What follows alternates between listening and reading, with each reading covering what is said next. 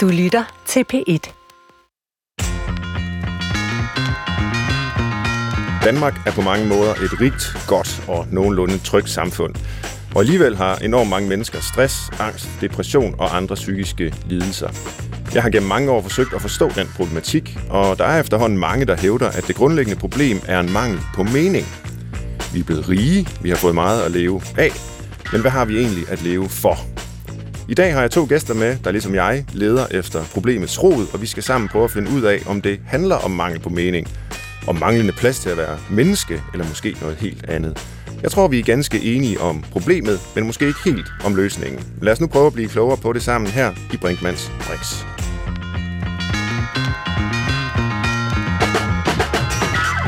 Og før vi går i gang, så må jeg lige for den journalistiske og videnskabelige metodes skyld give ord til min producer, Christoffer Heide. Ja, for i dag, Svend, så har vi jo noget, som man normalt ikke gør. Øh, vi har en gæst med i studiet, som du har skrevet en bog sammen med. Ja. Og det er jo ikke okay. øhm, så egentlig vil jeg bare høre, eller I har skrevet bogen Diagnoser, Perspektiver, Kritik og Diskussion, som jo lyder som en vaskeægte bestseller blandt øh, alle danske hjem.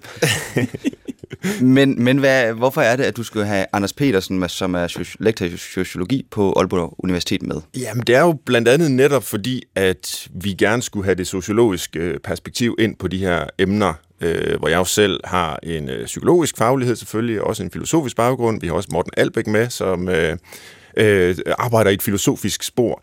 Så det er vigtigt, at vi også får den sociologiske faglighed ind. Så, men det er selvfølgelig vigtigt lige at få den præmis på plads, at øh, vi faktisk kender hinanden på, øh, på forhånd. Og kan du så ikke forklare mig, hvad er dagens projekt for dig? Jamen, dagens projekt er at finde ud af, hvorfor så relativt mange mennesker i det her gode samfund har det så relativt dårligt. Og det er der jo selvfølgelig utrolig mange øh, svar på, perspektiver på. Men jeg kunne tænke mig at forfølge det spor, der handler om mening. Øh, handler det om mangel på mening? Altså man kan sige, rent materielt, så er vi sådan rimelig godt kørende i Danmark, så måske er det ikke der, vi skal kigge hen. Måske handler det om et meningstab. Øh, spørgsmål altså, hvis der er noget om det, hvor det meningstab kommer fra. Hvad skyldes det? Og det er jo vigtigt at prøve at finde ud af det, hvis vi så også skal løse problemet, og ligesom genetablere en mening i tilværelsen igen. Okay, jamen så herfra frit slag. okay, så er øh, dagsordenen ligesom sat. Men Anders, kan du ikke prøve indledningsvis her for lytterne og mig, prøve at udfolde, hvad det er for nogle kan man sige, fakta, du tager udgangspunkt i, når du øh, ser på de problemer, mm. der forplanter sig i menneskers liv og i vores psyke? Mm. Jo, men det kan jeg godt. Øhm, det, som jeg er allermest interesseret i, det har været igennem en længere periode, hvordan at vi går rundt og mistrives psykisk i øjeblikket.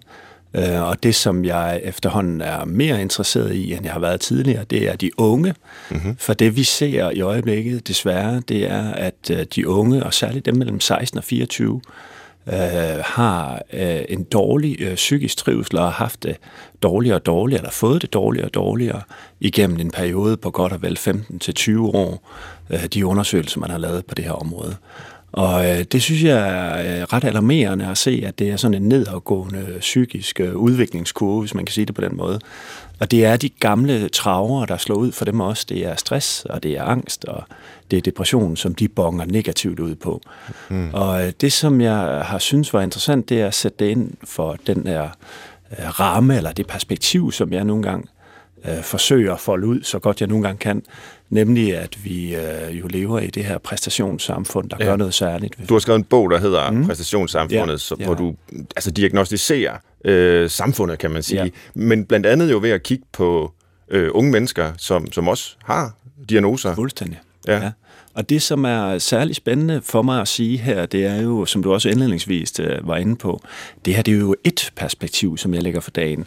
Men det er et perspektiv, som synes at have mere og mere resonans ude i øh, ja, virkeligheden, hvis vi kan sige det på den måde. Også fordi der er flere og flere folk, der kan mærke, at det præstationssamfund gør noget særligt ved dem som har en negativ indvirkning på deres øh, psykiske trivsel. Mm. Øhm, og det er de unge i øjeblikket, som, øh, som lever under det pres, og det synes jeg gør noget, noget særligt øh, dårligt ved dem, simpelthen. Hvor ser vi præstationssamfundet henne? Ja, altså det, som er kongstanken for mig, er, at vi har institutionaliseret præstationssamfundets præmisser. Og det vil sige, at vi har sådan set gjort det til noget, vi gør mennesker øh, igennem i øjeblikket. Øh, og vi ser det helt nede fra øh, børnehaven, øh, op igennem folkeskolen, øh, til universiteterne, og særligt ude på, øh, på arbejdsmarkedet også. Og det, jeg mener med institutionaliseret, så er det, at vi har taget nogle sociale regler og normer, og så lagt dem til grund for den måde, vi nogle gange, så at sige, gør et menneske på, det vil sige opdrager, skoler, indpoder det til at være på en bestemt måde. Så jeg har lavet sådan en identitetskategori, som jeg kalder for præstationsindividet, og siger, det er den måde, vi gerne skal være som menneske på i dag. Mm. Og det bliver vi ligesom gelejtet ind i det her præstationsindivids univers, øh, helt fra starten af af vores øh, opvækst. Øh, ja, helt ned i øh, børnehavealderen, som sagt. Mm. Så. Godt. Det er jo så en type øh, samtidsdiagnostik fra, fra dig, Anders mm. Petersen, fra det sociologiske perspektiv. Så vender jeg mig mod øh, min anden gæst i dag. Velkommen til dig, Morten Albæk. Tusind tak, du er jo filosof og CEO, grundlægger af Voluntas, øh, din virksomhed. Og du skrev en bog, og det er især derfor, jeg har inviteret dig ind for et års tid siden, øh, som blev meget populær, et liv, en tid, et menneske, hvordan vi glemte at leve et meningsfuldt liv. Og der kommer du med nogle mulige svar på, hvad problemet er for moderne mennesker, og hvordan vi kommer videre. Øh, og det der med, hvordan vi, vi løser problemet, det, det øh, kan vi vende tilbage til om lidt. Men måske først, så kunne jeg tænke mig at spørge dig om, hvad, hvad din diagnose af samfundets problemer er. Men jeg deler øh, altså fuldstændig Anders' analyse, og man kan sige, at det jeg i bogen øh, beskriver som vores samtids største paradoks, bygger på akkurat de samme indsigter, som Anders lige akkurat har formidlet. Nemlig det forhold, at på den ene side, så har vi aldrig nogensinde været rigere, levet længere, været bedre uddannet og har flere muligheder gennem teknologien, end vi har dags dato. De socioøkonomiske fremskridt, som ikke kan disputere så jeg anser dem også som værende positiv egen ret. Jeg mener, det er positivt, at vi bliver rigere, som er med til at gøre, at flere mennesker kan blive uddannet. Øh, denne rigdom bruges også til, at folk kan leve længere, og mange af disse fremskridt ville altså kunne lade sig gøre, hvis det ikke var fordi teknologien havde undergået den evolution, eller næsten revolution, som den har gennemgået over de seneste årtier. Men lige så sandt som det er, at vi oplever disse socioøkonomiske fremskridt, lige så sandt er det også, at vi bliver mere medicineret, mere deprimeret, mere ensomme, mere angst mere stresset end på noget tidligere tidspunkt, i hvert fald i efterkrigstiden, dokumenteret. Mm. Og det paradoks mener jeg, at vi både filosofisk, sociologisk, politisk, men også øh, som mennesker har et behov for at finde en løsning på og, og demontere.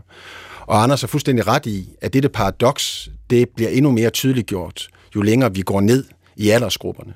Fordi rigtigt er det, at det alderssegment, der er størst sandsynlighed for stress, men også ensomhed af de 16-24-årige. Mm. Hvis man ser på børn og unge, der definerer sig selv som værende i besiddelse af lav livstilfredshed, så er det sted år ud og år ind de sidste øh, små 15 år. Mm. Øh, så jo længere vi går ned i aldersgrupperne, jo større bliver dette paradoks, at den øgede velstand ikke translaterer sig til øget velvære. Og øh, skal vi gøre op øh, med dette paradoks, og jeg lader være med at gå helt ned i de detaljerede løsninger, så handler det netop om at vi bryder ud af det præstationssamfund, som vi har skabt, som er et produkt af, at den stige, vi opfordrer et hvert menneske fra barndommen, ungdommen og også i det ungvoksne liv at træde op af, øh, nemlig karrierestigen, skal erstattes med en helt anden stige i mit filosofiske univers, som er selvrespektens øh, stige. Men det er ikke det, der ligger til grund for vores uddannelsessystem, og det er heller ikke længere det, der dominerer vores dannelsesbegreb i det 21. Øh, århundrede, mm-hmm. fordi vi fundamentalt set har skabt et uddannelsessystem, der er optaget af at få unge, øh, ungvoksne ud af systemet, ud på arbejdsmarkedet, ikke og gøre dem til individer, der er i stand til at reflektere dybt og inderligt over, hvad deres etiske og moralske kompas er, altså danne dem til at rent faktisk at kunne navigere mellem det meningsfulde og det meningsløse. Så du ser præstationssamfundets logik som en trussel mod selvrespekten, øh, eller som noget, der springer os i en forkert retning, bringer de unge mennesker et forkert sted hen. Men kunne man ikke også sige, for nu, og det er jo ikke fordi, jeg skal stå og være advokat for præstationssamfundet, øh, intet kunne nærmest ligge mig fjernere, men, men, men kunne man ikke sige, at der også er noget selvrespekt at vinde gennem præstationen? Nej, der bliver jeg ment, at der er masser af selvtillid, okay. som man genererer ved at sætte sig et mål, altså i en, nu siger jeg, en kommersiel, organisatorisk arbejdsmarkedskontekst, og så realisere det mål det fylder dig med tillid til dine egne evner, altså troen på, at du kan mestre den teknik, den rolle, den position eller profession, der nu engang forventes af dig lige så godt eller bedre end gennemsnittet. Men jeg mener, at selvværdet udspringer af nogle helt andre øvelser og interaktioner i livet. Og jeg tror, det vi skal forstå, det er, at præstationssamfundet er jo et produkt af, at vi har øh, lavet os omkalfatre af et begreb, som er et af de mest meningsløse begreber, som jeg mener er blevet produceret de sidste tre kvart århundrede, nemlig Human Resource Management. og jeg mener, hele vores uddannelsessystem men for, for den sags skyld også størstedelen af vores samfundskultur, øh, er et produkt af Human Resource Management. Og tillad mig lige øh, at, at putte lidt idéhistorie på det begreb, Human Resource Management. Det er en amerikansk managementfilosofi, der blev opfundet i midten af 1950'erne, som rubricerer alle mennesker i alle organisationer til at være en aktiv klasse, det man på engelsk kalder en asset class, mm. på lige fod med råvarer, ejendom og kapital. Det vil sige, det er en managementfilosofi, der deklasserer, reducerer mennesket til at være noget, der har samme værdi som mursten, øh, olie eller penge. Og når det er sådan en trekvart århundrede har ladet sig selv reducere til ikke at være mere end det, så skal vi måske ikke være så forundret over, at mennesket mistrives i særdeleshed, når det er sådan, det går på arbejde. Men hele vores uddannelsessystem er også et produkt af Human Resource Management. Og her skal jeg måske lige komme med en fodnote, at på trods af, at jeg er imod Human Resource Management, på trods af, at jeg er imod præstationssamfundet, så er jeg ikke imod markedsøkonomien, ej heller kapitalismen. Jeg tror bare på, at begge dele står over for en, en transformation, kvad de erkendelser, vi bliver nødt til at gøre os nu, i forhold til det menneskelige forfald, det producerer. Det er interessant for mig at, at lytte til jer og høre, hvordan I egentlig supplerer hinanden, og det ses måske allerede i jeres bogtitler. Altså, hvor Anders skriver om præstationssamfundet, der skriver du, Morten, om, hvordan vi glemte at leve det meningsfulde liv. Ja. Og spørgsmålet er, og det kan vi så udfolde det næste lille times tid, som vi er tilbage, om det egentlig er præstationssamfundet, der øh, gør, at vi glemmer at leve et meningsfuldt liv, eller om det er tabet af mening, der gør, at vi ikke kan finde på andet at bruge vores tid til, end bare at gå og præstere. Mm. Øh, hvordan ser I på det? Øh, hvad er egentlig årsag, og hvad er virkning her, Anders? Men jeg synes, det er enormt interessant at høre på det, du siger, Morten, fordi noget af det, som falder mig ind, når vi taler om øh, uddannelsessystemet, så er det jo den filosofi, der ligger til grund for, at vi skal hurtigt ind, hurtigt igennem, øh, hurtigt færdige. Ikke? Øh, og den type af logik gennemsyrer jo den måde, vi opfatter, hvad et menneske er på. Nøjagtigt. Og når det er, vi gør det på den her måde, øh, så skaber vi jo også, skulle til at sige, mursten eller pølser, ja. eller hvad pokker vi nogle gange er igennem fabrikken, øh, så at sige. Så det, det er første punkt, som jeg synes er interessant, fordi der får vi den her form for øh, tempo øh, logik også. Det vil sige, at der er en form for acceleration øh, på spil her også. Ikke? Og det er jo også det, der ligger i vores vækstforståelse. Ikke? Altså, det skal gå hurtigere og højere og sådan nogle ting hele tiden. Øhm, ja, og så tilbage til spørgsmålet om mening. Altså, jeg synes, at det, der er interessant, og som jeg også har forsøgt at gøre opmærksom på i bogen, det er, at vores tid er på mange måder ikke præget for mig at se af et meningstab. Øh, den er snarere præget af, at den mening, som vi har installeret, skaber en form for meningstomhed. Øh, og det vil sige, at vi har egentlig bildet os selv ind, at det er meningsfyldt at eksekvere vores tilværelse på den måde, som præstationssamfundet nogle gange dikterer, mm. vi skal gøre. Men i den mening øh, er der i sig selv installeret en tomhed, der måske er det, vi ser konsekvenserne af nu, nemlig at folk de har en fornemmelse af, at det er meget, meget vanskeligt at se, at der sådan set er en meningsfuldhed, som er derude, som vi kan gribe fat i og tage fat i på en håndterbar måde. Mm. Det synes jeg smuldrer mellem fingrene på folk. Der er ikke meget mening i at være en menneskelig ressource for nu at Nej. sammenkæde jeres øh, Nej, perspektiver. der er heller ikke meget mening i at se, at de ting, som man gerne skulle have en fornemmelse af, at man kan gribe fat i, hele tiden flytter sig, eller forskubber sig, mm. eller så at sige, bliver til noget, der er smuldrende imellem fingrene på en. Fordi hvad gør man så? Jamen, så jager man det endnu mere. Så trykker man endnu mere på speederen. Så tror man, man skal eksekvere endnu bedre og gøre sig selv endnu dygtigere hele tiden. Og, og, og må jeg bare blive inspireret af det, fordi du taler om acceleration. Mm. Og, og vi har jo skabt en kultur, øh, hvor hastighed er Gud. Altså hastighed er simpelthen blevet et mål i sig selv. Vi skal bare skynde os som en i helvede. Vi ved ikke nøjagtigt med hvad. Og hvis vi lige går tilbage til det unge mennesker, det uddannelsessystem, som vi har skabt, jamen så er hastighed jo om noget blevet en KPI, altså et mål i sig selv. Mm. Og det er jo bare sådan, når det er, at man skaber en kultur og en civilisation, der er baseret på, at hastighed er et mål i sig selv, så definerer man også i sådan en kultur, hvad det stærke menneske er det er netop et menneske, der hele tiden er i stand til at træde op og træde frem, presse sig selv og øge tempoet. Mm. Men hvis det stærke menneske i vores samtid, fordi vi har gjort hastighed til Gud. Vi skal hele tiden accelerere, vi skal hele tiden øge tempoet. Hvis det stærke menneske er en, der hele tiden er i stand til at øge tempoet, træde op og træde frem, så definerer vi også indirekte, hvad det svage menneske er, mm. nemlig det modsatte. Mm. En, der til tider tager et skridt til siden, et skridt tilbage, ja Gud forbyde det, går helt i stå, mm. apropos mm. en af verdens øh, tidligere bøger. Mm. Det betyder, at det at tage en pause er blevet til et svaghedstegn mm. i vores samtid. Mm. På trods af, at det er med pauserne i livet, som det også er med pauserne i musikken. Mm. At hvis der ingen pauser var i musikken, så ville vi ikke kunne høre melodien, så ville det bare være støj. Ja. Og sådan bliver livet også, at når vi ikke tager pauserne, mm. og så i henhold til min filosofiske overbevisning, træder op af selvrespekten stige, erkender os selv, jamen så bliver livet også bare til støj, for vi kan ikke længere erkende os på, hvad det meningsløse og det meningsfulde er. Og så er det selvfølgelig interessant, at du siger, Anders, at, at der, der er en mening derude. Mm. Øh, men at den mening øh, er indholdsløs, når vi begynder at undersøge den. Er det sådan, jeg skal forstå det? Ja, i hvert fald på den måde, at når folk de nogle gange, så at sige, taler sig ind i den her type af sociale logik, som præstationssamfundet nogle gange ja. understøtter, så synes den her mening mere bliver fladet ud.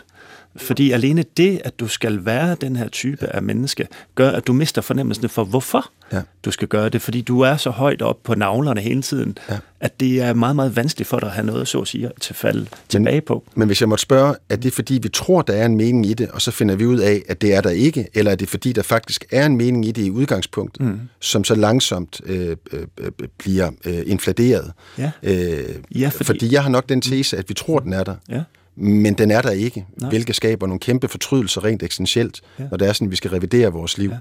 Men, men som jeg, undskyld, Jamen bare fortsæt. Ja, som jeg betragter problemet, så er det, at vi har fået installeret en forudsætning om, at den mening, der nogle gange gerne skal være inden for rammerne af præstationssamfundet, ja. fylder vi så at sige på mennesker fra starten af. Ja. Og når de så eksekverer på den, ja. så går det mere og mere op for folk, at det bliver ja, meningstomt. Ja øh, i den jagt på den her ja. øh, mening her. Ikke? Men det er jeg enig i, at der er installeret mm. en fortælling om, ja, fuldstændig. at der ligger en mening i arbejde ja. i eget regi, som vi så finder ud af mm. i takt med, at fornuften aktiveres. Mm. Livet leves, ja. som ikke er der. Ja. Og, og på den måde mener jeg, at vi på mange måder har skabt en fortælling om, hvad arbejde er i livet, mm. som er en eksistentiel løgn.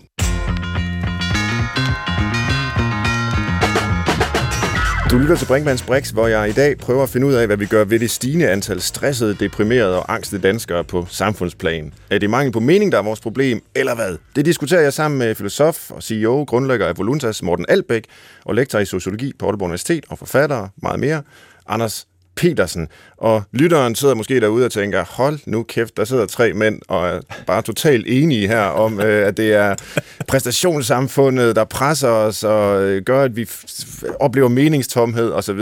Altså, hvorfor skal vi lytte til sådan en enighed der i en hel time? Det er jeg ikke sikker på øh, bliver tilfældet fra nu af. Øh, for jeg kunne nemlig godt tænke mig at øh, gå i gang med det store emne, der handler om, hvad vi gør ved det. Mm. Øh, og, og, og høre, hvad I siger til det. Så Morten Albæk, et sted at begynde, det er måske øh, her med din bog, et, øh, En tid, et liv, et menneske, øh, hvor, hvor man kan sige, den titel sætter på mange måder rammen for dine øh, pointer. Kan du prøve at beskrive, hvordan du ser løsningen? Hvordan finder man øh, meningen i tilværelsen igen? Jamen det gør vi ved, ved to forhold. Det ene har vi allerede berørt. Altså det er, at vi fundamentalt set som individer, men også som samfund, begynder at forstå forskellen på selvtillid og selvværd, øh, og hvad det er, vi de facto stræber efter og, og udvikler os til at være et selvtillidsfuldt menneske, eller et menneske fyldt med selvværd. Men så starter det også med, at vi forstår den fundamentale forskel på tilfredshed, lykke og mening, hvilket jeg mener er tre forhold, vi er faret fundamentalt vild i igen som mennesker, men der er afledt også som samfund. Tilfredshed handler om behovsrealisering. Øh, og det vil sige, at det at stræbe efter at være tilfreds hele tiden, det er et imponerende egoistisk øh, projekt, der vil bringe dig til absolut ensomhed forholdsmæssigt hurtigt. Lykke er noget fuldstændig anderledes end tilfredshed. Det er det der ekstraordinære øjeblik i livet, hvor livet folder sig mere poetisk smukt og varmt ud end ellers. Men siden at lykken per definition er forankret i et øjeblik, så er det også et eksistentielt fatamorgana at stræbe efter, at den skal være i livet hele tiden og altid. Dem af øh, lytterne, der ikke vil acceptere den tidslige begrænsning i lykkebegrebet, bliver så i det mindste nødt til at acceptere den sproglige semantiske begrænsning i lykkebegrebet, nemlig at lykken er det ekstraordinære, så hvis det ekstraordinære var der hver dag, så er det jo bare ordinært. Så uanset om vi angriber mm-hmm. tidsligt og sprogligt, så er det umuligt at være lykkelig 365 24 7 Ydermere, så er det også sådan, at tilfredsheden og lykken kan ikke leve sammen med utilfredsheden og ulykkeligheden. Du kan ikke både være tilfreds og utilfreds i et og samme moment. Du er enten tilfreds eller utilfreds. Du kan ikke både være lykkelig og ulykkelig i et og samme moment. Du er enten lykkelig eller ulykkelig. Og det bringer mig til mening, som værende det eneste, jeg mener, vi fornuftsbaseret kan stræbe efter, kan være i vores liv hele tiden og altid. Fordi at mening kan leve sammen med utilfredshed, og ulykkelighed. Og tillad mig bare lige helt kort at eksemplificere, hvordan og hvorledes, at det kunne se ud. Øh, vi forestiller os, at du har fået en øh, smuk øh, lille babydreng for øh, plus fem måneder siden. Øh, babybarnet har kolik, og det er natten mellem øh, torsdag og fredag, og klokken har slået fem, og du sidder med en følelse af, at halvdelen af alle sandkorn, der er i Sahara, er simpelthen fløjet fra Sahara, op i dine øjenæbler, du er tæt på besvimelsens punkt af træthed, og den eneste årsag til, at du ikke falder i en trancelignende tornerosesøvn, det er på grund af den smertelige grød for dit babybarns stemmebånd. I det øjeblik er du ingen lund tilfreds, ej heller lykkelig, men det er dybfølt meningsfuldt for dig at gøre, hvad du gør, for du sidder og våger over det, du skatter absolut mest i livet. Og sådan kunne jeg give andre eksempler på, at det meningsfulde rent faktisk kan eksistere sammen med det ulykkelige og det utilfredsstillende. Og derfor er det at insistere på at leve et liv, hvor du hele tiden og altid er i besiddelse af mening, den, den væsentligste byggesten, der er det eksistentielle øh, immunsystem for vi moderne mennesker, i forhold til min øh, filosofiske overbevisning. Og Men hvordan adskiller det sig fra præstationssamfundet?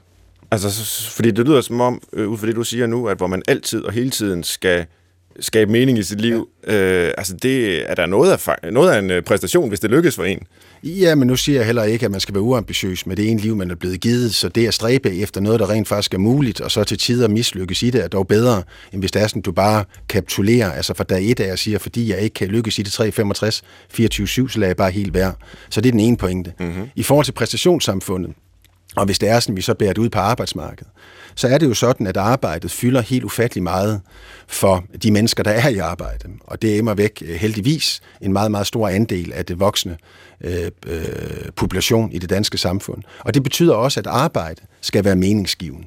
Det er, at uanset hvem vi er som mennesker, så snart vi træk, øh, træder ud på den arena, der kaldes arbejde, så har vi behov for at være omgivet af nogle infrastrukturer øh, og nogle interaktioner, der er med til at gøre det meningsskabende for os at være der.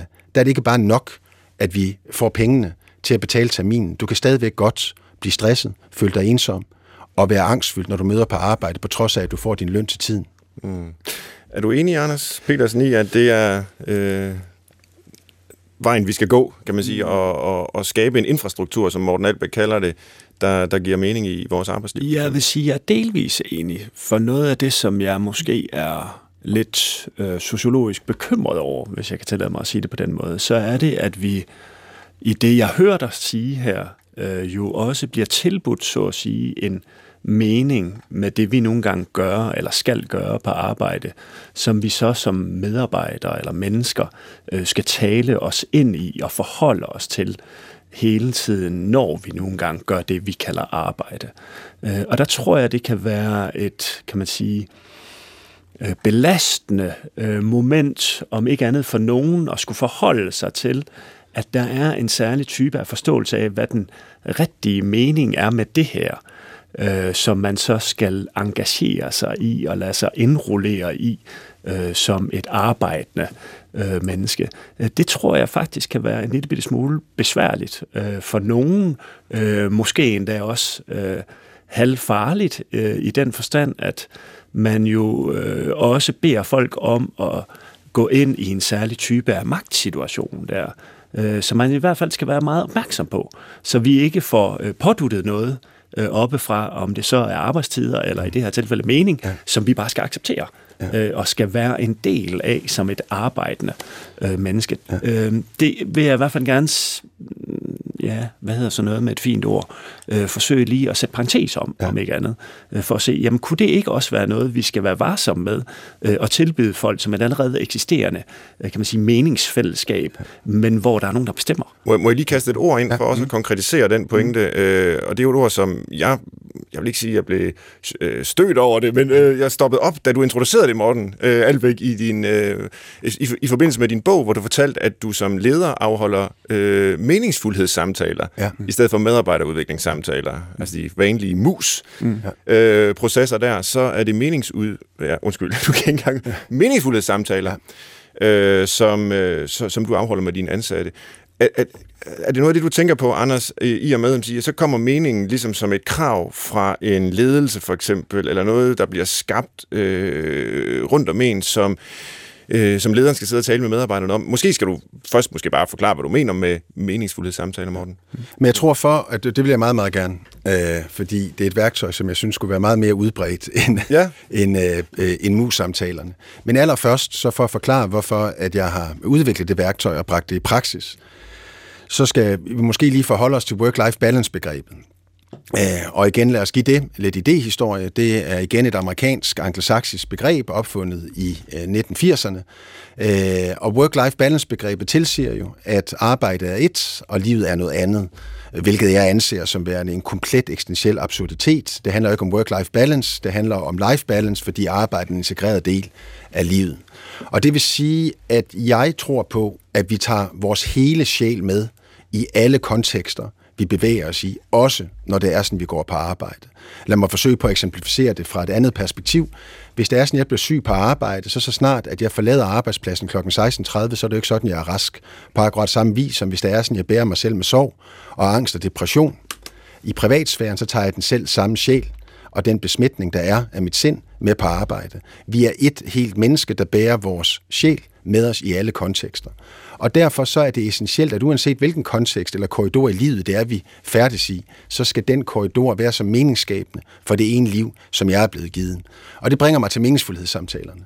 Fordi selvfølgelig skal det være meningsskabende for de mennesker, der arbejder sammen med mig og for mig, at være, hvor de er. Den mening skal de selv skabe. Men jeg er en bidragsyder til det. Men det er deres mening med livet, fordi meningen med livet er individuel, den er subjektiv, og den er evolutionær, og den er foranderlig meningsfuldhedssamtalen er sådan set bare konstrueret over to ja-nej-spørgsmål. Det første spørgsmål er, om der er noget som helst på arbejde, der forhindrer dig i at føle den mening med livet, som du stræber efter, ja eller nej. Og det andet spørgsmål er, om der er noget som helst i livet i øvrigt, der forhindrer dig i at yde den indsats på arbejde, du har ambition om og får løn for, ja eller nej. Og her kan jeg sige, at hvis der er sådan et menneske, tre måneder i træk svarer dobbelt ja, så er det menneske den fjerde måned enten sygemeldt eller arbejdssøgende.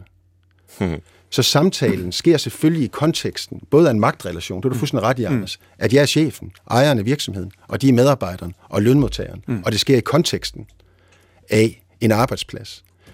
Og det kommer derfor også til at handle om prioritering af ressourcer, videreuddannelse, den ledelse, de er udsat for i dagligdagen, etc. Mm. Altså alle mulige klassiske, tekniske, operationelle emner. Men vi tillader os bare at starte samtalen eksistentielt, fordi for mig mm. er arbejde per definition en integreret del af livet, derfor eksistentielt og derfor intimt. Mm.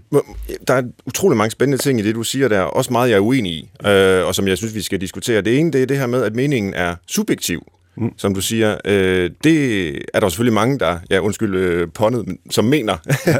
men, men det gør jeg ikke. Nej. Altså jeg mener faktisk, at der er noget almenmenneskeligt øh, ved os, hvor vi er ret øh, fælles om, hvad der egentlig giver mening, eller ret enige om, øh, hvis vi ellers tænker os om. Øh, det er klart, der er også noget, hvor vi ikke er enige.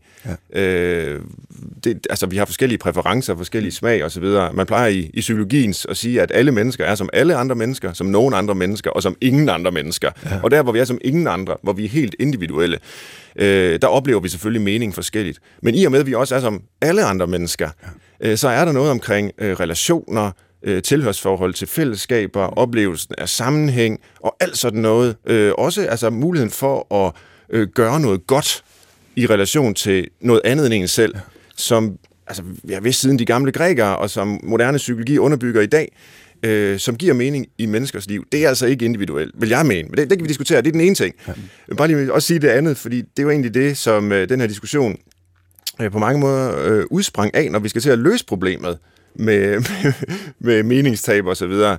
Øh, det er det her med, hvor, hvor du siger, Morten, og det er jo selvfølgelig rigtigt principielt, at vi har kun et liv, vi er kun et menneske. Der er ikke work-life balance, fordi der er kun life. Ja. Men samtidig så mener jeg også, at man skal erkende betydningen af, at vi mennesker spiller roller ja. og optræder i forskellige sammenhænge på forskellige måder. Og man kan jo sige, at øh, vi har brugt 200 år øh, på at ligesom skabe et arbejdsfrit rum. Altså skabe den her... Øh, det havde bønderne jo ikke. De var jo altid på arbejde. Øh, og så fik vi industrialiseringen, og det handler jo egentlig meget om at, at have en, en arbejdskamp, øh, hvor, hvor, hvor der blev nogle timer til rådighed øh, hver eneste dag, som var mine, ja. som ikke handlede om, at jeg skulle levere noget til arbejdet. Og, og det jeg bare øh, ligesom reagerer mod, øh, når, når, når du siger det der, Morten, det er, øh, er vi nu ved at miste det igen, ja. som vi endelig havde fået tilkæmpet os. øh, fordi der kun er øh, et menneske, og vi har hele sjælen med. Hele ja. tiden siger du, jamen sælger vi så ikke også hele sjælen til arbejdet lige pludselig? Er det ikke en risiko? Det er en absolut en risiko, hvis det er sådan, at vi ikke bærer os selv med selvværd og selvrespekt. Og så er vi tilbage til, hvor jeg startede. Hvad det er for en stige, vi fundamentalt set skal forstå, vi primært skal træde op af i livet hele tiden, hver eneste gang, at vi øh, vågner op til en, øh, til en ny dag. Og det er ikke karrierestigen, det er selvrespektens stige. Hvis det er sådan, at vi udvikler mennesker, der er dannet til at stå på et fundament af et sundt og stærkt selvværd og en tydelig selvrespekt, så vil de sige fra, så snart at nogen forsøger på at udnytte og udbytte dem, som rent faktisk ligger i den form for kapitalisme, som vi har haft de sidste tre kvart århundrede ud for Human Resource Management-begrebet. Og så kommer vi ind i noget helt fundamentalt for mig. Er det arbejde, der er grænseløst, eller er det mennesket, der er blevet grænseløst? Og der er min tese, at det er ikke arbejde, der er grænseløst. Det er mennesket, der er blevet grænseløst. Tilbage til præstationssamfundet. Så grundmoralen er, at hvis vi gerne vil sørge for, at mennesket stopper med at være så grænseløst, men har nogle klare, tydelige hegnspæle, der består, ja, af noget, som ofte er relativt almindeligt for vi mennesker, fordi vi deler mange dyder i livet. Snå som ambitionen om at bære os selv moralsk, med integritet, med generøsitet, etc. Og så lige tilbage til det andet. Jeg forstår faktisk ikke, og det er ikke fordi, jeg har øh, nogle særlige ambitioner om at være enig med dig, Svend, men jeg forstår faktisk ikke, hvad det er for en uenighed, du forsøger på at øh, male frem, når jeg siger, at meningen med livet er subjektiv. For du siger jo også selv, at der er nogle områder, hvor det er sådan, at vi selvfølgelig ser forskelligt på tingene, og så er der masser af ting, vi deler. I det, du laver det blandingsforhold, så bliver det per definition subjektivt. Bare det forhold, at du anerkender, at når svaret på, hvad meningen er med dit liv, så vil vi dele nogle dyder, og nogle eksistentielle hegnspæle. Men dertil lagt vil der også være steder, hvor det er sådan, at vi adskiller os. Der i bliver den subjektiv per definition. Og lad mig lige understrege, mange af de dyder, som du fremhæver, er jo nogen, jeg på alle måder mm. mener er almen gyldige for, hvad det vil sige at være et dannet og ordentligt menneske. Men hvis du spurgte mig efter, hvad meningen med mit liv er, så vil jeg svare anderledes. Men jeg kan dig. prøve at forklare det, fordi jeg tror, det er meget øh, væsentligt det her, også for vores uenighed. Altså, hvad er egentlig mening, og er den subjektiv eller objektiv? Øhm, altså, jeg, jeg prøver at tænke med udgangspunkt i øh, de gamle grækere, ja. som havde en idé om, at øh, både det meningsfulde liv, og sådan set også det lykkelige liv, ja. netop ikke består i oplevelser. Øh, du sagde før, at det her med lykken er momentan. Den sker sådan flygtigt, ja. og derfor så kan man ikke måske ville den på en måde. Øh, men, men jeg, jeg ser jo lykken som noget, der handler om formen på et liv, som er faktisk tæt knyttet til mening. Øhm, vi kan også tale om, at han havde en lykkelig barndom, eller det var et lykkeligt ægteskab, ja. eller sådan noget. Det handler jo ikke kun om, at der er bestemte oplevelser øh, i barndommen eller i et ægteskab. Det handler om, at man netop lever øh, meningsfuldt ja. øh, over tid, øh, på en måde, hvor det ikke kun er en subjektiv erfaring. Fordi det, jeg vil sige, og grund til, at jeg mener, at mening ikke, i hvert fald alene er subjektiv, det er jo, at jeg mener, at vi kan tage fejl. Vi tror, at noget er meningsfuldt, fordi vi subjektivt oplever, at det er det. Men så opdager vi året efter, at det var det sgu ikke alligevel. Nej. Jeg tog fejl. Ja. Og hvis man kan tage fejl, ja. hvad angår de her eksistentielle spørgsmål, så må det jo være, fordi det i hvert fald ikke kun er subjektivt, men fordi det, det, det på en måde også handler om noget mere fælles Men det er også derfor, jeg sagde, at den er også evolutionær mening med livet. Det vil sige, mm-hmm. den er i bevægelse. Mm-hmm. Netop kvæg, at du erkender det liv, du har levet, og derfor selvfølgelig også flytter dine markører for det meningsfulde liv. Nå, Anders? Nej, men der tror jeg, at man skal i hvert fald for den måde, jeg tænker på, skal være opmærksom på et, mm, kan man sige, begrebsligt twist her. Og det er at tænke i ikke subjektiv, objektiv, men i hvad der foregår intersubjektivt. Og det er i hvert fald altid væsentligt for mig at tænke, at det er derude imellem, at tingene genererer mening. Det er derude, tingene skaber en mm. form for godt liv for dig og for mig og for os alle sammen. Og det er aldrig i forbindelse med, hvad vi selv, så at sige, går og har forestillinger om, hvordan det forholder sig. For det er altid i, og det er jo det, som både Hel og Axel Honnet vil sige, i anerkendelsen af den andens forestilling om, hvad det gode liv er, at vi bliver bekræftet i, at det rent faktisk kan lade sig gøre, det vi gør. Mm. Så det er altid et intersubjektivt forhold, vi skal være opmærksom på, ja. for mig at se. Øh, og det har også øh, en voldsom stor indvirkning på den måde, man forstår, hvad selvværdsættelse er. For selvværdsættelse er altid sat i relation til noget andet og mere end det, man er selv. Det vil sige, det kan altid kun foregå i forhold til store øh, sociale fællesskaber, øh, det kan foregå i forhold til religion, det kan foregå i forhold til øh, ens betragtning på, hvad naturen er. Men det er altid til noget, der står over en selv, og er større end en selv. Og deri ligger der også et intersubjektivt forhold der. Og i det skifte mellem hvad der er subjektivt og intersubjektivt, finder vi jo netop forholdet til andre, og dermed også den positive relation til andre, der i sidste ende jo øh, potentielt i hvert fald vil skabe et positivt forhold til os selv også. Men det er det intersubjektive først, så kan vi begynde at tale om det andet bagefter.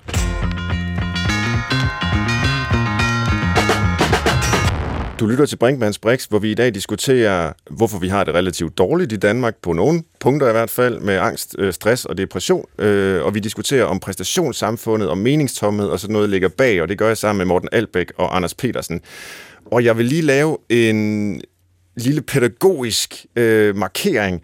Vi var i gang med at diskutere mening med livet osv., og, og det blev utrolig øh, abstrakt på en måde. Er den subjektiv? Er den objektiv? Er den intersubjektiv? Det jeg godt kunne tænke mig at, at prøve at markere, det er, hvorfor det er overhovedet vigtigt at finde ud af, om den er det ene, eller det andet, eller det tredje. Og der vil jeg jo sige, det er vigtigt, netop hvis vi gerne vil løse problemet. For hvis den er subjektiv, øh, nu kaster jeg lige noget ud til jer, så må I gribe det, eller, eller kaste det væk. Hvis den er subjektiv, jamen så er det klart, så er det subjektet, der skal gøre noget ved det. Hvis ja. den er objektiv, eller måske intersubjektiv, jamen så er det måske nogle andre end en selv, ja. der i hvert fald også skal gøre noget ved det. Og det er jo relevant i forhold til for eksempel, hvis man går på arbejde og ikke synes, ja. det er særligt øh, fedt det her, man føler sig fremmedgjort, man er blevet en menneskelig ressource. Øh, hvad vil løsningen da være i din optik, hvis nu meningen er subjektiv, og den skal genetableres, så er det jo ens eget ansvar at få den tilbage? Jamen her vil jeg lige understrege en ting. Ja. Det er, at når jeg siger, at meningen med livet er individuel og subjektiv, så siger jeg ikke, at den er skabt alene af individet. Den er skabt i interaktion, i samtale, i modstand og i oplysning med andre mennesker. Øh, så når jeg siger, at den er subjektiv, så er det fordi, den tilhører det enkelte menneske. Vi kunne også mm. gøre det her endnu mere anvendt, apropos anvendt filosofi. Hvis det var sådan, at vi hver især du, som en, der insisterer på, at meningen med livet er objektivt, svarede mig på, hvad er meningen med livet? Og du stillede mig det samme spørgsmål, og Anders skulle svare ud fra et intersubjektivt øh, perspektiv. Hvad vil svaret så være? Så hvis du spurgte mig, og det gør du så ikke, så derfor stiller jeg selv spørgsmålet, så vil svaret være, at meningen med mit liv er at forsøge at leve det på en sådan vis, at de mennesker, hvis kærlighed ikke kan leve for uden, at de er nemt ved at elske mig i morgen. Derinde ligger der en ufattelig masse erfaring med menneskelig interaktion, påvirkning for de mennesker, der har været omkring mig, der vil også ligge i den sentens masser af dyder, som jeg deler med dig, Afgjort. deler med Anders. Mm. Og det er jo en smuk formulering. Ja. Mm. Så grundmoralen Men... er bare, at jeg tror, at lige så vel som det selvfølgelig er interessant at forsøge på at markere det meget, meget skarpt op, at det ene er intersubjektivt, det andet er objektivt, og det øh, øh tredje mm. øh, er 100% subjektivt, så tror jeg bare, at essensen er, ja. at jeg mener, at hver enkelt menneske har sit eget svar, og der eksisterer ikke et universelt svar på, hvad meningen er med livet. Det er simpelthen anse som værende fascistoidt. Mm. Mm. Men, men, og det er, det er en god pointe, og øh, man kan sige, det der med at male os op i tre forskellige hjørner, altså som sagt, det var udelukkende af pædagogiske grunde, for ligesom at forklare de her begreber, også øh, de forskelligheder, der er i vores positioner. Men jeg vil jo alligevel sige til den her smukke formulering, du har af, hvad meningen er med dit liv, at hvis du havde sagt det modsatte, jeg mener, at meningen med mit liv, det er at opføre på en sådan måde, at ingen kan elske mig i morgen, øh, være det dummeste svin, der manipulerer med andre, øh, for at få mest muligt ud af det hele selv, så vil jeg jo have sagt til dig, ja. men Morten Albæk, det er jo ikke meningsfuldt. Nej. Og så kunne du have insisteret på, jo, det er det for mig, ja. og så ville jeg have sagt, ja, men så tager du fejl. Ja, fuldstændig enig. Og, og derfor er meningen ikke subjektiv, ja. fordi man faktisk kan tage fejl. Det er det, der prøver at argumentere for jo. Jo, men der vil jeg så påstå, at hvis det var sådan, at vi mødte sådan et menneske, der havde så psykopatisk et livsformål, så udover at du ville stille diagnosen som psykolog forholdsmæssigt hurtigt, at her har vi gør med en, der formodentlig har en lidelse, der er forholdsmæssigt alvorligt, så vil du indgå i en samtale, hvor i du vil forsøge på at oplyse det mennesker omkring, at de markører, han eller hun har sat for, hvad meningen er med livet, er falske, og så vil du flytte dem. Og så er vi over på, hvad vil du flytte det ud fra? Der vil du flytte det ud fra nogle moralske, dydsmæssige koordinater, som er mellemmenneskelige, og som vi deler. Men for mig er der forskel på, at vi deler et dydshierarki, og så, at meningen er en, vi vel og mærke kan definere kollektivt på vegne af hele menneskeheden.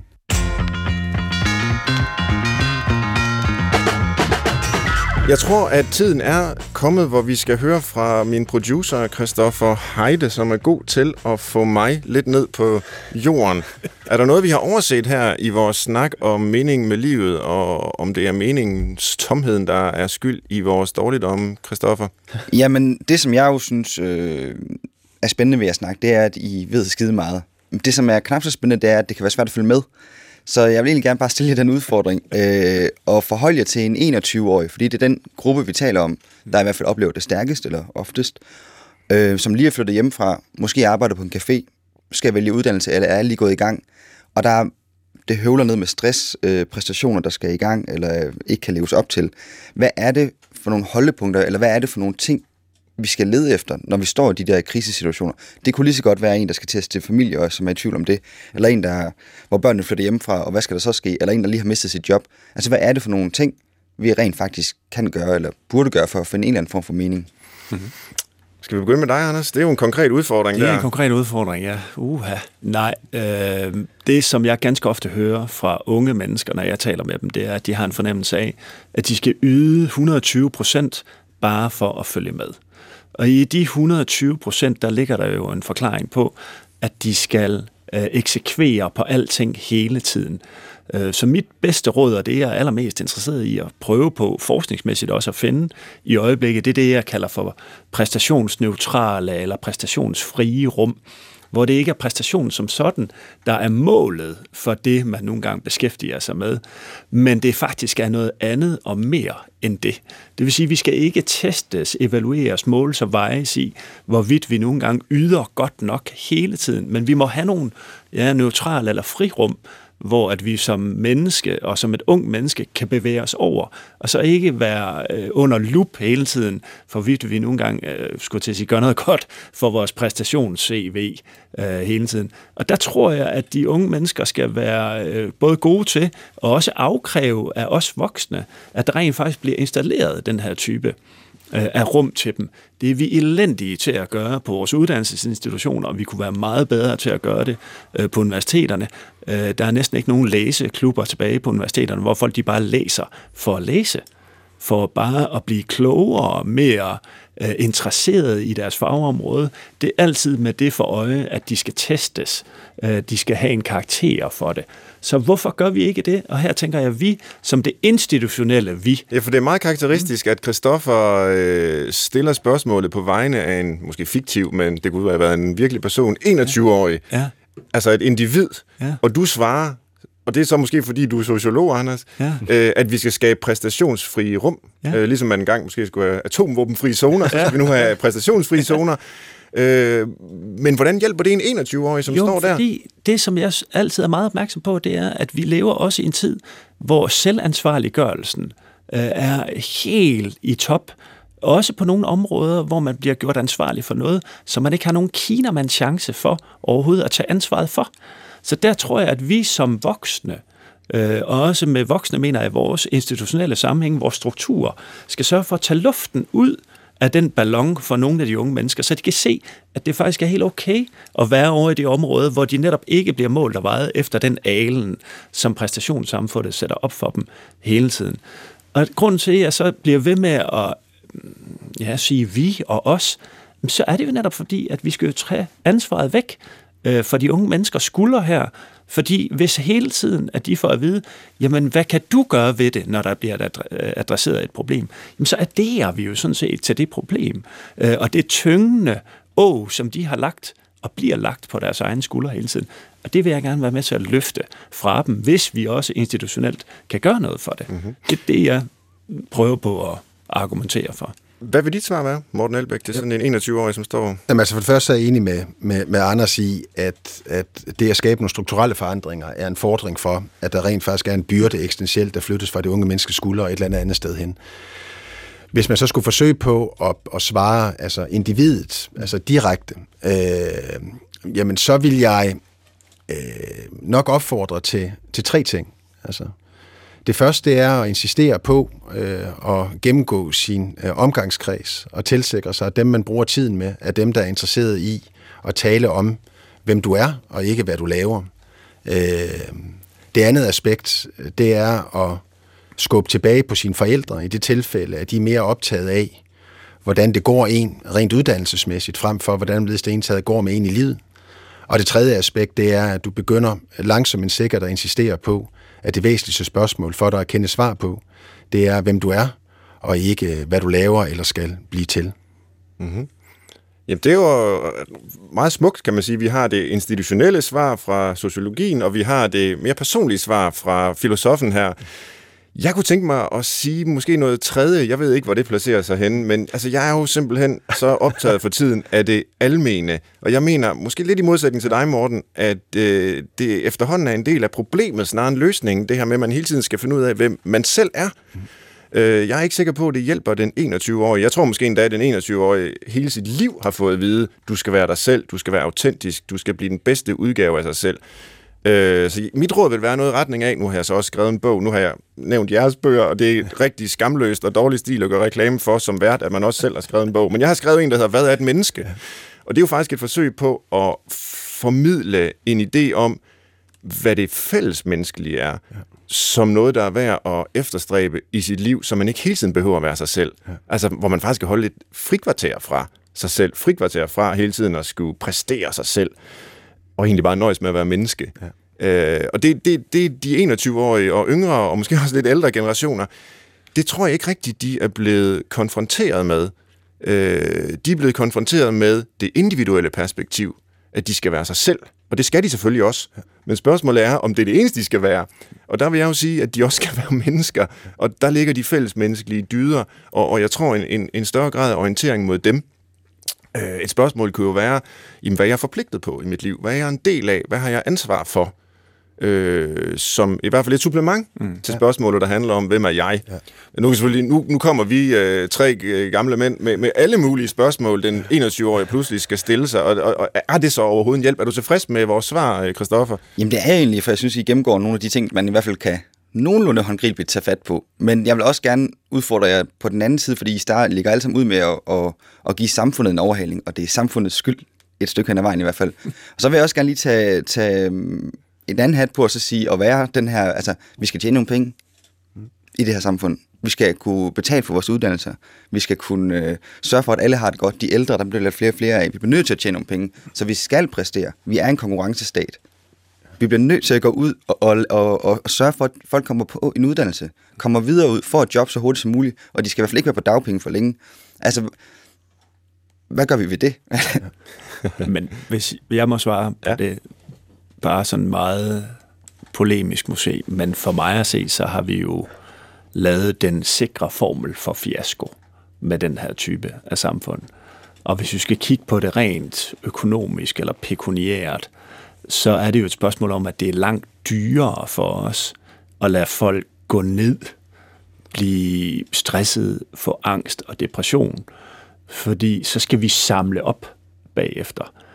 Det er da for dumt, for at sige det på godt jysk. Så hvorfor ikke sørge for, at vi ikke skal lave det stykke opsamlingsarbejde, men snarere lave en form for arbejde, hvor vi sørger for, at folk de kommer ud i nogle kontekster, hvor de kan kontribuere til samfundet, gøre noget godt for os alle sammen. Og det gør vi jo ikke ved at lave en så snæver ramme for, hvad der er det rigtige at gøre, hvilken rigtig type af menneske vi nu hele tiden skal sørge for at blive op igennem vores institutionelle tilhørsforhold, men snarere udvide rammerne for, hvad det rigtige nogle gange kan være, så vi alle sammen kan blive delagtiggjorte i det her samfund. Så det er simpelthen dårlig økonomi. Det er lavsig økonomisk tænkning, ja. det her. Øh, punkt slut, altså. Er vi sikre på det? Fordi det, det håber jeg selvfølgelig også, det er. Og jeg, det, det er noget med, det tal, jeg kan i hovedet, det er, at det koster 55 milliarder om året i Danmark, at, øh, at folk er psykisk syge, og tabt arbejdsfortjeneste, mm. og, og behandling, og, og hvad det alt sammen hedder. Mm. Og det er selvfølgelig rigtig, rigtig mange penge. Ja. Men, men til gengæld, så, øh, så tjener vi også nogle penge på at presse folk, så de bliver produktive og effektive, og, og, og så videre. Er vi sikre på, at øh, regnestykket går op på den måde, du siger? Men Morten, han må jo også være øh, dybt opmærksom på, at det nytter jo ikke noget, at vi har så mange mennesker, der er stressmeldte på arbejde hver eneste dag. Det kan simpelthen ikke være god økonomi for en virksomhed. Det kan ikke være hverken økonomi-økonomi, det er i hvert fald lavsig moralsk ja. økonomi mm. også. Det er rigtigt. Så, så det er jo altså økonomisk tænkning bredt ud Ja. en, en, en fiasko, øh, at vi nogle gange tillader som samfund, at det her det foregår på den her måde. Jeg deler komplet den analyse, øh, og jeg mener også, at alle tal og analyser, jeg har bekendtskab med, indikerer, at en ting er, at det er moralsk, og det afler et menneskeligt forfald. Det er også dybt, dybt ineffektivt i forhold til at udvikle øh, produktions- og konkurrencekraft, at vi bliver ved med at sygeliggøre mennesker ved, at de går på arbejde. Og så kommer vi hen til det helt interessante her. Det er, hvordan er det helt præcist, at vi forener det eksistentielle og det kommercielle, det humanistiske og det kapitalistiske i den virkelighed, vi er en del af. For jeg tror jo på, at kapitalismen, som jo bare er et system, og den kvalitet eller diskvalifikation, kapitalismen har siden det system, afhænger af, hvad vi putter ned i den. Og det er jo der, hvor det er sådan, jeg er muligvis naivt, men så tillader jeg mig stadigvæk i en alder af 44 år at være naiv og utopist, at jeg mener, at vi nu øh, står over for skabelsen af en humanistisk kapitalisme, som har meningsskabelse i sit epicenter. Fordi et menneske, der føler mening i livet med det arbejde, vedkommende udfører, er signifikant mere produktiv, væsentligt mere effektiv, voldsomt mere engageret, meget mindre syg, kan overkomme klart højere stressniveauer, end en, der bare er tilfreds. Så hvis det er sådan, vi gerne vil vækste vores økonomier, uden at det afler menneskeligt forfald, så bliver vi nødt til at sørge for, at mennesker kan møde ind på arbejde, og så vel at mærke følge en mening med det. Fordi ellers, så vil vi ved med at se, at folk bliver mere og mere stresset af at arbejde mindre og mindre, og mindre og mindre engageret i deres arbejde. Og det er jo en af årsagerne til, hvorfor jeg mener, at både psykologien, sociologien og filosofien skal spille en helt anderledes aktiv rolle i måden, hvorpå at vi udtænker fremtidens management og organisatoriske øh, strukturer, hvilket ikke er tilfældet i dag. Lurer der en selvmodsigelse, eller er det bare mig, der, der hører den i det, du siger, øh, med den humanistiske kapitalisme, vi, vi skal have nu, hvor, hvor mening gør os mere øh, effektive, produktive, innovative og, og Jamen, det de gør først og fremmest, at vi bliver mindre syge af, så før at du begynder at tage den sådan helt klassiske, kapitalistisk kritiske tilgang til det, jeg siger, så er mit ærne, nej, men så er mit ærne her at sørge for, at den negative eksistentielle spiral, som det moderne arbejdsmarked har skabt for det enkelte individ, at den stopper. Mm. Fordi som jeg sagde, al data viser, at vi bliver syge og syge af at arbejde mindre og mindre. Det er jo en absurditet. Mm. Og vi bliver mindre og mindre engageret i vores arbejde, på trods af, at det fylder mere og mere af vores identitet. Hvis vi gerne vil beskytte mennesket for dette forfald, og vi vel at mærke at acceptere, at der formodentlig også i morgen og overmorgen er en markedsøkonomi og et kapitalistisk system, mm. hvad er det så, vi har tænkt os at forny dette kapitalistiske system med? Og det er for mig at se en humanisering Ja. øh, af det, sådan at man ikke længere kan få nogen som helst form for nytteværdi af at ødelægge mennesket, men rent faktisk får værdi af at passe på det og være med til at påvirke det positivt. Og, og mit ærne var egentlig heller ikke at være kapitalismekritisk som sådan. Altså, man siger, de samfund, der har forsøgt at afskaffe øh, en kapitalistisk markedsøkonomi, øh, går det jo sjældent godt for, heller ikke for, for de mennesker, der lever i dem. Mit- ærne var mere at sige, jamen, det at der er en kapitalisme og en markedsøkonomi, behøver det at betyde, at alt skal indrulleres under markedet. Øh, og, og, det gør det jo ikke, og det, Nej. det er vi alle sammen enige om. Og, og det er måske der, øh, hvor, hvor, hvor, hvor, hvor vi har en, en, en uenighed, og så kan du sige, at jeg måske misrepræsenterer dit synspunkt, men, men det er jo netop derfor, jeg insisterer på vigtigheden af grænser. Ja. mellem arbejdet og øh, resten af livet, for eksempel. For ellers, så vil resten af livet også bare blive en del af markedet. Jeg er fuldstændig enig. Så kommer interessante bare, ja. hvordan er det, vi sikrer den grænse? Ja.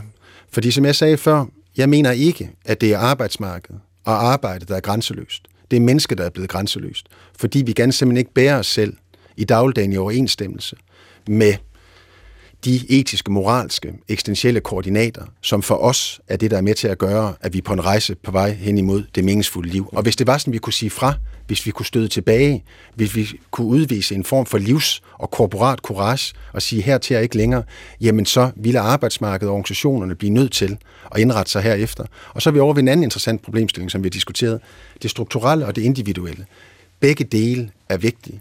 Men skulle man lave den filosofisk set interessante leg, at du kun måtte vælge det ene, hvad skal vi så øh, insistere på kommer først? Og så vil jeg sige, det er det, det er det individuelle.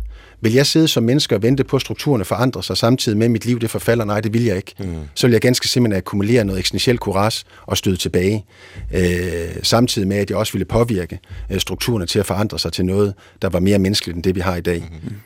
Men det er jeg jo i og for sig øh, fuldstændig enig i, men det som jeg i hvert fald sidder og, og reflekterer over, fordi I, jeg har i princippet, og det skal jeg jo sige som sociolog, ikke noget imod at være kapitalismekritisk.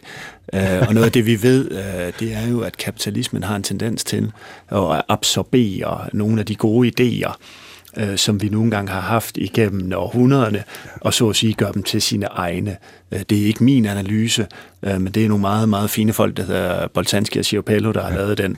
Øh, og de har gjort det rigtig godt, synes jeg, fordi de viser netop, at så snart at man så at sige begynder at twiste og tørne en lille bitte smule, ja. så har kapitalismen med at sige, det haps, den tager jeg til mig og gør det til min egen logik. Og noget af det, som vi ikke kan undgå at tale om i den her sammenhæng, det er jo vækstforståelsen. Ja. Fordi hvis det skal være en almindelig vækstlogik, der også dominerer den forestilling om, hvad den nye kapitalisme så at sige kan gøre for os, så har man jo i hvert fald om ikke andet en risiko for, at vi bevæger os ud af nogenlunde samme spor, som vi har gjort tidligere. Og det vi i hvert fald står over for nu, som skaber nogle nye psykiske mistrivselsproblematikker, det er hele vores klima debat kan jo ikke, så at sige, tages på en fornuftig måde, uden at vi også gør noget ved den her vækstlogik, Nej. som vi nogle gange har på dagsordenen her. Øh, det er både en individuel vækstlogik, men det er jo i højeste grad også en strukturel vækstlogik.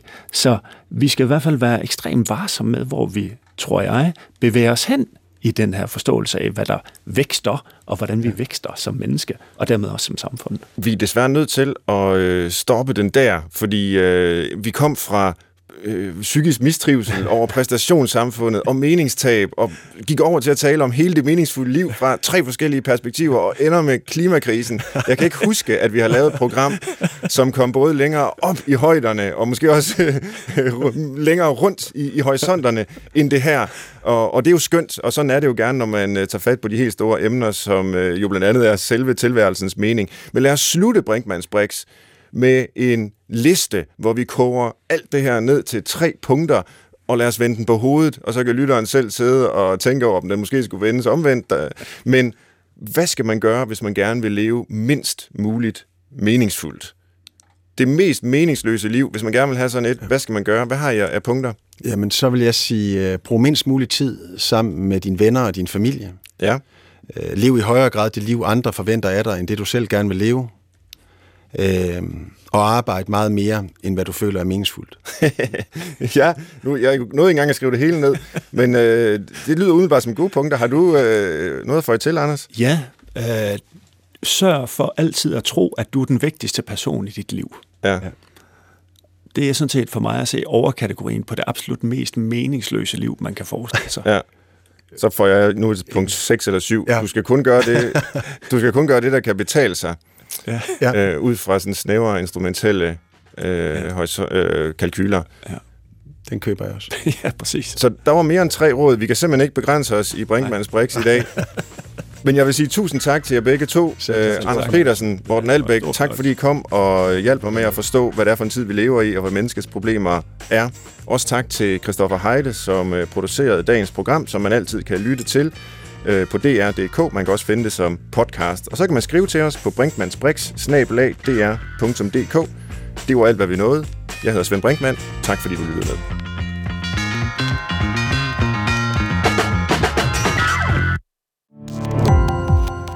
Gå på opdagelse i alle DR's podcast og radioprogrammer. I appen DR Lyd.